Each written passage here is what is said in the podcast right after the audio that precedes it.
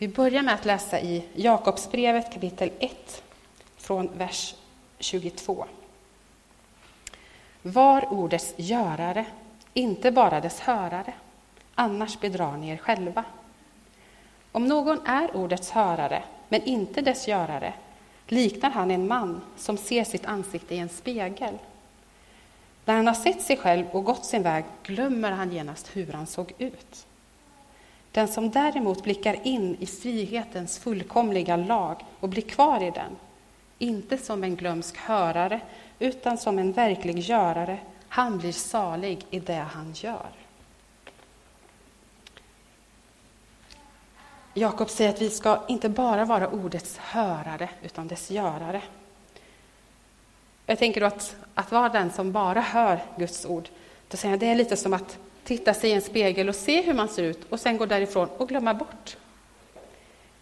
Och vad, vad, vad, om vi går in i den bilden lite, vad är det han menar där?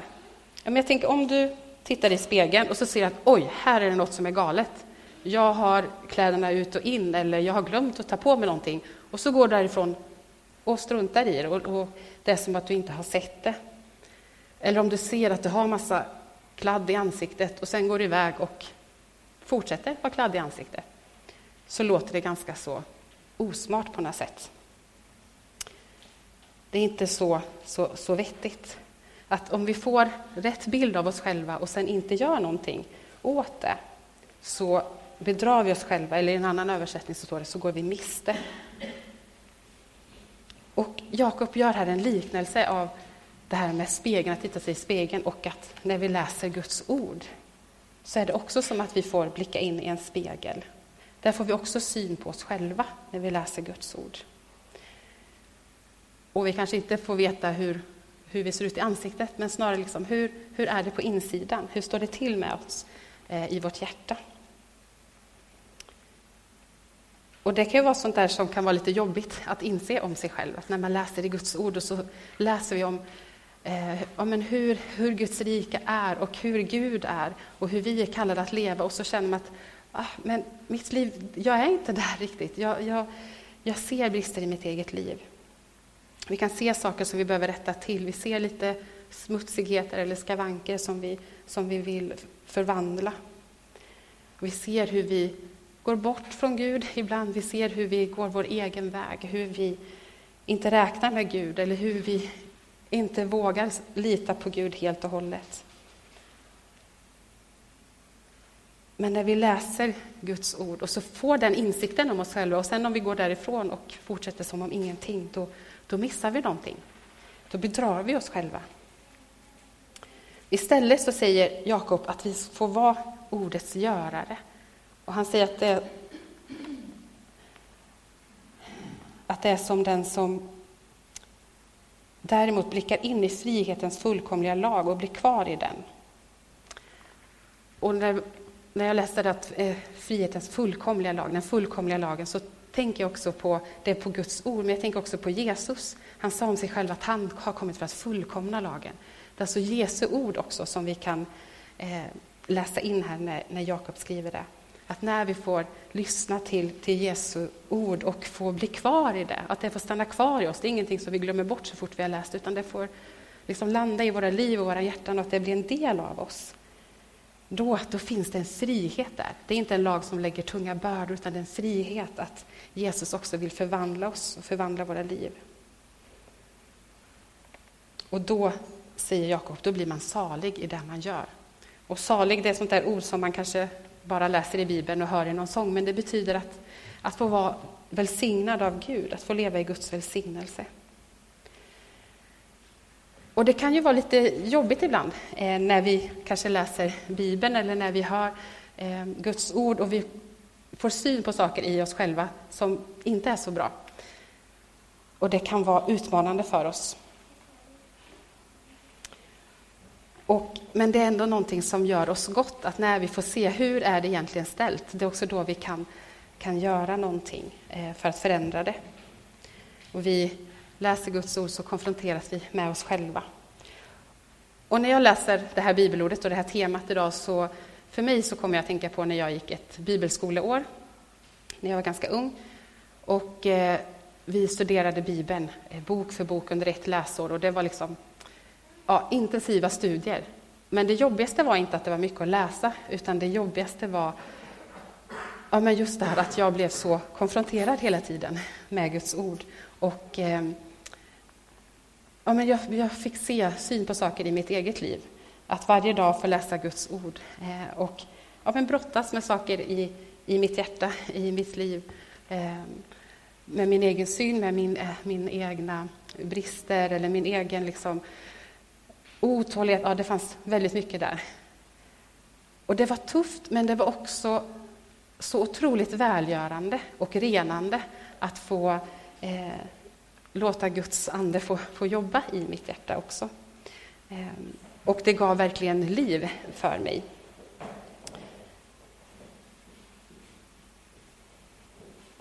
Och under det året så fick jag tillsammans med Gud eh, fördjupa mig i hans ord och få, eh, få uppleva den där friheten när man ser in i Jesu ögon eller får höra Jesu ord och få, få ta det till sig. Så var det väldigt befriande att jag fick släppa på en del saker som hade dragit ner mig.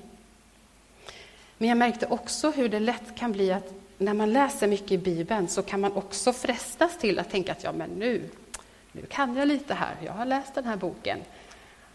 Och man hamnar i ett dike där man blir högmodig istället. Och jag blir påminn om hur, hur viktigt det är att inte bara läsa Guds ord och få kunskap, utan också få låta det förvandla en och att få vara ödmjuk. Och att det handlar inte om att en gång ha läst ett bibelord, nu kan jag det, nu kan jag gå vidare, nu har jag klarat min läxa. Det är inte så det fungerar, utan att ständigt få, få lyssna till, till Guds ord och få ha det levande i sig. Och att vi alltid behöver ett tilltal ifrån Gud. Och jag tänker också som David sa här inledningsvis att det här kan vara ett passande tema för oss när vi börjar en ny termin. Att, att fundera över vår tro och vårt liv. Hur vill vi att det ska se ut den här terminen? Och när jag läser det här bibelordet så eh, kommer jag att tänka på det här bibelskoleåret och hur, hur det var utmanande för mig. Och jag tänker också på en varning som jag lätt kan ta till mig som eh, Jakob skriver lite senare i sitt brev, som vi ska läsa tillsammans, i andra kapitlet, från vers 14 till 19. Så fortsätter han det här resonemanget om, om tron och om livet. Han säger så här. Mina bröder, vad hjälper det om någon säger sig ha tro men saknar gärningar? Den tron kan väl inte frälsa honom? Om en broder eller syster saknar kläder och mat för dagen och någon av er säger till dem Gå i frid, klä er varmt och var mätta. Ät er mätta. Men inte ger dem vad kroppen behöver. Vad hjälper det? Så är också tron i sig själv död när den är utan gärningar. Nu kanske någon säger, du har tro. Ja, men jag har också gärningar. Visa mig din tro utan gärningar, så ska jag visa dig min tro genom mina gärningar. Du tror att Gud är en, det gör du rätt i. Även de onda andarna tror det och bävar. Jakob resonerar att vad, vad hjälper det om en tro inte uttrycks i livet? Tro och liv hör ihop hela tiden. Och det är ett ganska komiskt exempel på något sätt som man använder här. Att om, en, om du ser en person som, eh, som lider nöd och som behöver, som inte har mat att äta, som inte Eh, har kläder och du säger ja, men gå i frid, håll dig varm du och ät dig mätt och sen går därifrån. Vad hjälper det din broder? Om du inte ser till dens fysiska behov. På samma sätt med tron, att om den inte får uttryckas i våra liv, då, då blir det ganska dött. Och sen på slutet här är han ju lite hård, lite ironisk eh, mot läsarna. Att, ja, men du säger att du tror att Gud är en. Ja, men det är bra. Eh, det var ju de, de, judarnas trosbekännelse att Herren vår Gud är en. Han säger det tror även de onda andarna och de bävar. Det räcker liksom inte där bara att, att ha en, en tro, ett påstående, någonting som man tror. Det, det imponerar inte i sig. Utan vad, vad, har, vad betyder den tron för dig? Vad får den tron för konsekvenser? Hur uttrycks det? Det handlar inte bara om någonting i huvudet, utan det handlar om någonting i hela livet och i, i vårt hjärta. Hur präglar tron våra liv? Hur ser tron ut i våra liv? Och så säger han också att ja, men om någon säger att du har tro, så säger han att ja, men jag har också gärningar och jag kan visa tron i gärningarna. Och det är ju det där när, när tron uttrycks i våra liv, då blir det på riktigt. Och för mig tänker jag då också på en annan bild eh, för det här. Men vad innebär det? En annan bild skulle kunna vara om jag tänker att jag ska börja träna. Som jag ofta tänker ibland, och så blir det lite sådär med det. Men jag tänker så här, men nu ska jag börja träna. Och så kanske jag jag läser på mycket om träning, jag, jag skaffar ett gymkort och tänker nu ska jag börja träna. Jag kanske läser på på internet och googlar om olika träningsstrategier och jag tittar massa Youtube-videos på olika träningsövningar. Och känner att nu börjar jag bli en riktig expert på det här med att träna. Men om jag aldrig faktiskt går till gymmet eller börjar göra de där övningarna så är det ju inte till så mycket nytta för mig egentligen. Och jag kanske tänker om mig själv att ja, men jag kan så mycket om träning, jag är en riktig träningsmänniska. Men om jag inte gör en enda träningsövning så kanske jag inte kan kalla mig för en träningsmänniska ändå. Och jag tänker att det kan vara en liten bild för det här i också med, med tron och att, att det får uttryckas i livet. Att ibland så är det lätt för oss att tänka att vi, vi ska kunna allting här och det är det som blir målet. Och så glömmer vi bort att ja, men det behöver liksom landa från huvudet till hjärtat. Det hjälper inte att bara memorera bibelverser och kunna mycket, utan det, vi får, det får landa i våra liv också, i våra hjärtan. Eh, och att leva ute, vad, vad innebär det här för mitt liv, det som jag läser? Och när det gäller träning så tar det lite emot att ta det där steget och börja göra de där övningarna. För er kanske det är lätt, men för mig det, det kan ta emot också. Och jag tänker det kan också vara lite där när vi, när vi läser Guds ord och vi läser om att att älska dina fiender, att ja, men det låter fint, men sen att faktiskt visa kärlek mot den här personen som gör mig vansinnig, så kan det ta emot lite ibland. Eller vad det nu är. Jag vet inte om du har gjort det för er någon gång, men för mig så kan det, det, det kan kämpa emot lite i, i, i köttet i oss själva. Men när vi faktiskt börjar att låta det som vi hör från Gud, när vi låter Jesu ord, när vi låter Guds ord få landa i våra liv och att vi faktiskt agerar utifrån det, att vi låter Guds ande förvandla oss inifrån och ut. Det är då som vi faktiskt kan märka att det ger liv, att det blir en frihet. Och för er som har testat olika träningsövningar på något sätt så kan man också märka att när man väl börjar göra det så det, det, man får lite träningsverk, men det ger också liv och man får energi av det. Och samma sak med, med Guds ord, att om vi bara läser Guds ord och inte låter det påverka oss någonting så bedrar vi oss själva. Då missar vi någonting. Men när vi läser Guds ord och låter det förvandla oss så kan vi också få en sann bild av oss själva. Vi kan titta in i den här spegeln och få se hur det är ställt och få låta Guds ande förvandla oss. Och det kan ju vara lätt att tänka att ja, men, ja, nu har jag läst här i Bibeln. Kanske någon i sommar, jag har läst hela Matteusevangeliet, jag kan det utan till. Jag kanske inte kan det utan till, det var att ta i, men man kanske har läst det. Eh, och känner att ja, men nu är jag duktig på det här. Och så klappar man sig själv på axeln. Men vad sen då? Vad, vad gör det med dig? Har, har du tänkt på vad du, vad du läste? Och vad, vad har det gjort med dig eh, på insidan? Vad har det gjort med ditt liv? Man kanske kan tänka, ja, men jag går, har gått till kyrkan varje söndag. Jag har hört många predikningar, jag kan många bibelverser utan till. Ja, det är jättebra. Men vad, vad händer med dig? Har, har det påverkat ditt liv? Hur, hur ser det ut i ditt liv för att du läser Bibeln? Vilken nytta är det, eller är det bara huvudkunskap?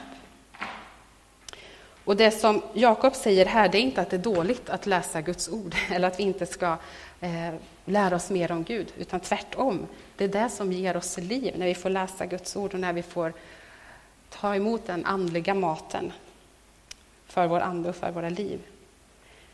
Men vi kan inte stanna där. Och frågan är hur läser vi, hur lyssnar vi till, till Guds ord? Det är det viktiga också. Och han visar liksom i de här eh, orden som han skriver att det är också hur det tron uttrycks i livet och i gärningarna som eh, också är det viktiga. Och han säger, ja men om du kanske kan säga att du har tro, men om du inte kan visa det på något sätt. Men det kan ju vara någon annan som kanske inte känner att man har så stark tro, men som har ett liv som visar på tron. Och det kan visa mycket mer eh, av, av tron för den personen. Att om vi har lyssnat på en predikan och går hem, eller om vi läser Bibeln hemma, vad gör det med oss? Vad, hur, hur påverkar det våra liv? Hur landar det? Men sen tänker jag, för oss idag, det kanske inte är alla som känner igen sig att ja, men jag har väldigt mycket huvudkunskap här, men det är svårt att få ut det i, i livet och i kroppen och i vardagslunken. Eh, det kanske kan ju vara tvärtom också, att man känner att ja, men jag känner inte att jag är jättestark tro, jag kan inte jättemycket om Bibeln. Jag kan kanske inte någon bibelvers utan till. Eh, då tror jag också att det finns en uppmuntran här. Att Jakob lyfter också upp det att när tron, kanske inte att det, man skryter om att man har så mycket huvudkunskap, men att det syns i någons liv. Så istället för att oroa sig för det så kan vi få lita på Gud, att han visar sig i våra liv. Hur vi är mot andra människor, det är också ett sätt att uttrycka tron. Hur visar vi på vem Gud är i vår vardag? Det kanske är viktigare att lägga fokus på. Sen är det alltid gott, och jag vill uppmuntra oss alla att, att läsa Guds ord. Men det är ingen, ingen tävling här om vem, vem som har läst mest.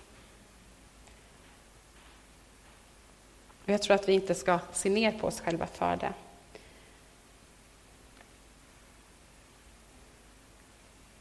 För kanske att du upplever också att ja, men jag känner inte att jag har jättestark tro, eller jag kan inte så mycket om Bibeln. Men kanske du på ditt liv, i ditt liv, i din vardag möter Jesus och eh, visar andra människor om vem Jesus är. Ditt liv är fullt av eh, kärlek till dina fiender eller generositet, eller du ber för andra människor, du ber för församlingen. Du tjänar och hjälper till i det tysta.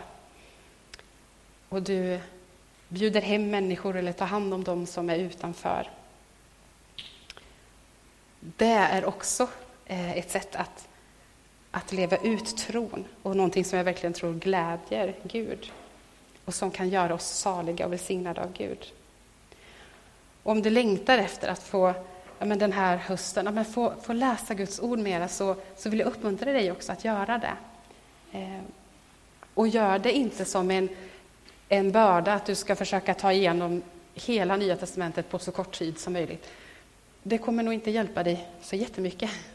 Utan istället låt det ta, ta tid och läsa långsamt. Kanske det bara är en bibelvers som man får, får leva med under den dagen eller den veckan och låta Gud få tala till dig genom det ordet och påminnas om det under dagen i, i det du gör. I mötet med människor eller när du sitter hemma eller eh, städar eller vad du än gör, att låta Guds ord få påminna dig där om, om vem Gud är och vem du är i honom.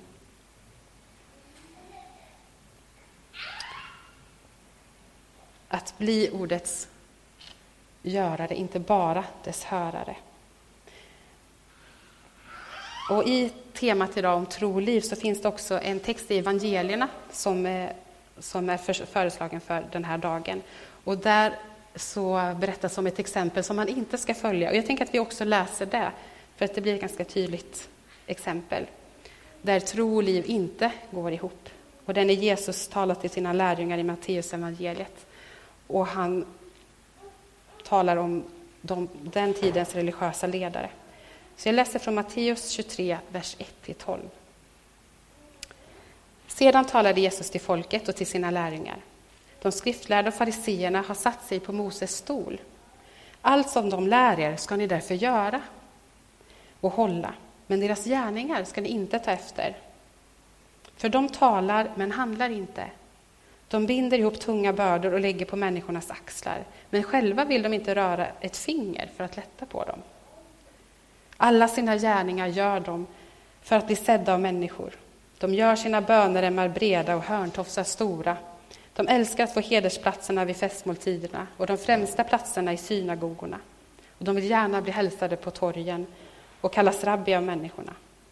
Men ni ska inte låta er kallas rabbi, för en är er mästare och ni är alla bröder. Och kalla inte någon på jorden er fader, för en är er far, han som är i himlen.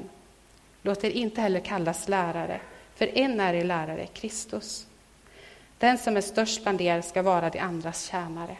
Var och en som upphöjer sig ska bli förödmjukad, och var och en som ödmjukar sig ska bli upphöjd. De här människorna som, som Jesus talar om, de var ju ledare och lärare som människor såg upp till och jag tror också kanske fruktade på olika sätt. Och man lyssnade på vad de sa. Och Jesus säger att ja, men bra, lyssna på vad de säger. De säger mycket som är bra, men följ inte det de gör, för deras liv och deras undervisning går inte ihop. De lever inte som de lär. De lever inte ut tron på det sättet. Han säger att de lägger tunga bördor på människorna och säger gör det här, håll det här, men de hjälper inte människorna ett endaste dugg för att, att bära de bördorna. De undervisar lagen och är strikta, men, men missar samtidigt själva poängen i lagen. Det viktigaste budet, att älska sin medmänniska som sig själv. Och de gör verkligen det som, som Jakob varnar för i, i, i sitt brev. De läser Guds ord, men de missar att få syn på sig själva och sin egen, sin egen synd eller sin egen attityd. Och kanske att de tänkte att ja, de hade det bra ställt, de kunde mycket och de kunde inte göra någonting fel. De ville ha statusen och respekten, titlarna, men inte så intresserade av att faktiskt hjälpa människorna på riktigt. Så där har vi ett exempel på vad vi inte ska göra. Men sen tänker jag att det exempel, bästa exemplet vi kan ha på hur vi ska leva våra liv är Jesus själv. Som faktiskt är den som är läraren, som är ledaren, som är mästaren. Han är inte intresserad av status. Han är inte intresserad av titlarna eller att bli omtyckt av alla andra människor. Att sitta på den förnämsta platsen. Han gjorde väldigt ofta tvärtom. Han mötte människor i ödmjukhet och tog en tjänarens plats. Och han var mer intresserad av att, att leva ut Guds ord på riktigt än att imponera med sin kunskap. Att leva i, i kärlek och i generositet, i ödmjukhet och tålamod. Och han var full av sanning och nåd, står det i Bibeln. Sen blev han senare förödmjukad och hånad av människorna. Men därför så upphöjde Gud Fadern sedan honom. Vi ska avsluta och temat idag är tro och liv. Och jag tänker att vi kan inte hitta något bättre exempel på hur kan vi få det att gå ihop. Inget bättre exempel än när vi ser på Jesus. Att när vi lyssnar till hans ord och ser på hans liv så där får vi den bästa liksom speglingen av våra egna liv och det är där vi kan speglas och, och be honom att eh, förvandla oss så att våra liv kan bli mer lika Jesus. Och det är han själv som hjälper oss och som gör det verket i oss. Det är ingenting som vi ska prestera fram i oss själva, utan det är nåd. Vi får ha den eh, utmaningen, kanske längtan för den här hösten. Att, men hur, Jesus, låt mitt liv få speglas i ditt liv och låt mig få visa mer av vem du är. Och låt mitt liv få, få visa på nåd och sanning till människor runt omkring mig och inte lägga tunga bördor på människor, utan att hjälpa människor att bära deras bördor. För tro, tron och livet hör ihop, eh, och en levande tro blir synlig i våra liv. Så med Jakobs ord, så låt oss bli ordets görare, inte bara dess hörare. Och vi kommer nu ta tid för lovsång eh, och gensvar och förbön. Och jag vill uppmuntra oss alla att ta den här stunden och låta det få bli ett tillfälle att låta Guds ord få, få landa i våra hjärtan och eh, stanna upp ett tag och låta Gud få spegla våra liv i Guds ord. Och ställa frågan, men hur kan Guds ord bli ännu mer liv i mitt liv? När du blickar in i, i den spegeln, i den inre spegeln, eh, vad ser du i ditt liv? Vad ser du i ditt hjärta? Vad är det som den helige Ande visar dig idag? Och vi som förebedjare, jag och Helena, kommer finnas här nere vid förbönsplatsen och vi vill jättegärna be tillsammans och för dig. Och var frimodig och kom till förbönsplatsen. Kom du som har tunga bördor som du vill eh, få hjälp med. Kom du som, som är sjuk och vill få helande. Kom du som kanske vill ha hjälp att be för någon annan person. Kom du som längtar efter att tron ska få prägla ditt liv ännu mer. Och kom du som, som längtar efter mer av Jesus. Och vi har också ljusbäraren här framme som man också kan använda och här bak för att tända ett ljus och be eh, en bön. Att Jesus ska få komma med, med sitt ljus. Vi ber tillsammans. Jesus, jag tackar dig för ditt ord. Tack för att du talar liv till oss idag. Och du, jag ber Gud att du ska låta det få landa som är ifrån dig. Och så kanske vi kan släppa massa andra tankar som vi får. Men du ser våra liv och du vill möta oss där vi är just nu. Och jag ber Gud att du ska hjälpa oss med din heliga Ande att, att lyssna till ditt ord, att få, få bli förvandlade i din närhet Jesus. Tack för att du ser allt i våra liv. Tack för att du ser alla skavanker och smutsigheter och saker som vi inte är stolta för, saker som vi vill gömma. Men tack för att du ser på oss med kärlek Jesus. Och tack för att det är du som vi ska komma till och det är du som också kan kan rena oss och som kan hela oss och som kan göra ditt verk i oss. Så jag ber för oss var och en att vi ska få, få möta dig eh, i vår vardag, att vi ska få möta dig i, Eh, i våra, våra samtal med människor, att vi ska få möta dig i ditt ord när vi läser ditt ord, Gud. Att du ska påminna oss om bibelord som du vill tala in i våra liv. Och låt våra liv inte få bli oberörda av dig, Gud, utan låt våra liv få beröras av dig, Jesus, och få bli förvandlade. Och låt oss också få, få liksom ge den nåden och friheten vidare till andra människor. Att när vi möter människor, att, att vi får bemöta människor med, med samma kärlek och med samma nåd och i samma ödmjukhet som du gör, Gud. Mm. Tack Jesus. Kom heligande och gör ditt verk ibland oss. Möt oss precis där vi är. Öppna våra hjärtan för dig. Och tack för att du ser på oss att när vi ser in i den här speglingen i ditt ord så möter du oss med din kärleksfulla blick, Jesus. Och jag ber dig att vi idag i alla fall skulle få känna att vi blir mötta av din kärleksfulla blick, Jesus. Det ber jag för oss var och en. Tack för din nåd, Jesus. Hör våra böner och led oss i lovsång till dig, Jesus. Jag ber så i Jesu namn. Amen. Vi tar en stund i lovsång till Gud och bön och förbön. Man får gärna ställa sig upp så blir det lättare att röra sig i lokalen. Men känn dig fri att vara inför Gud där du är.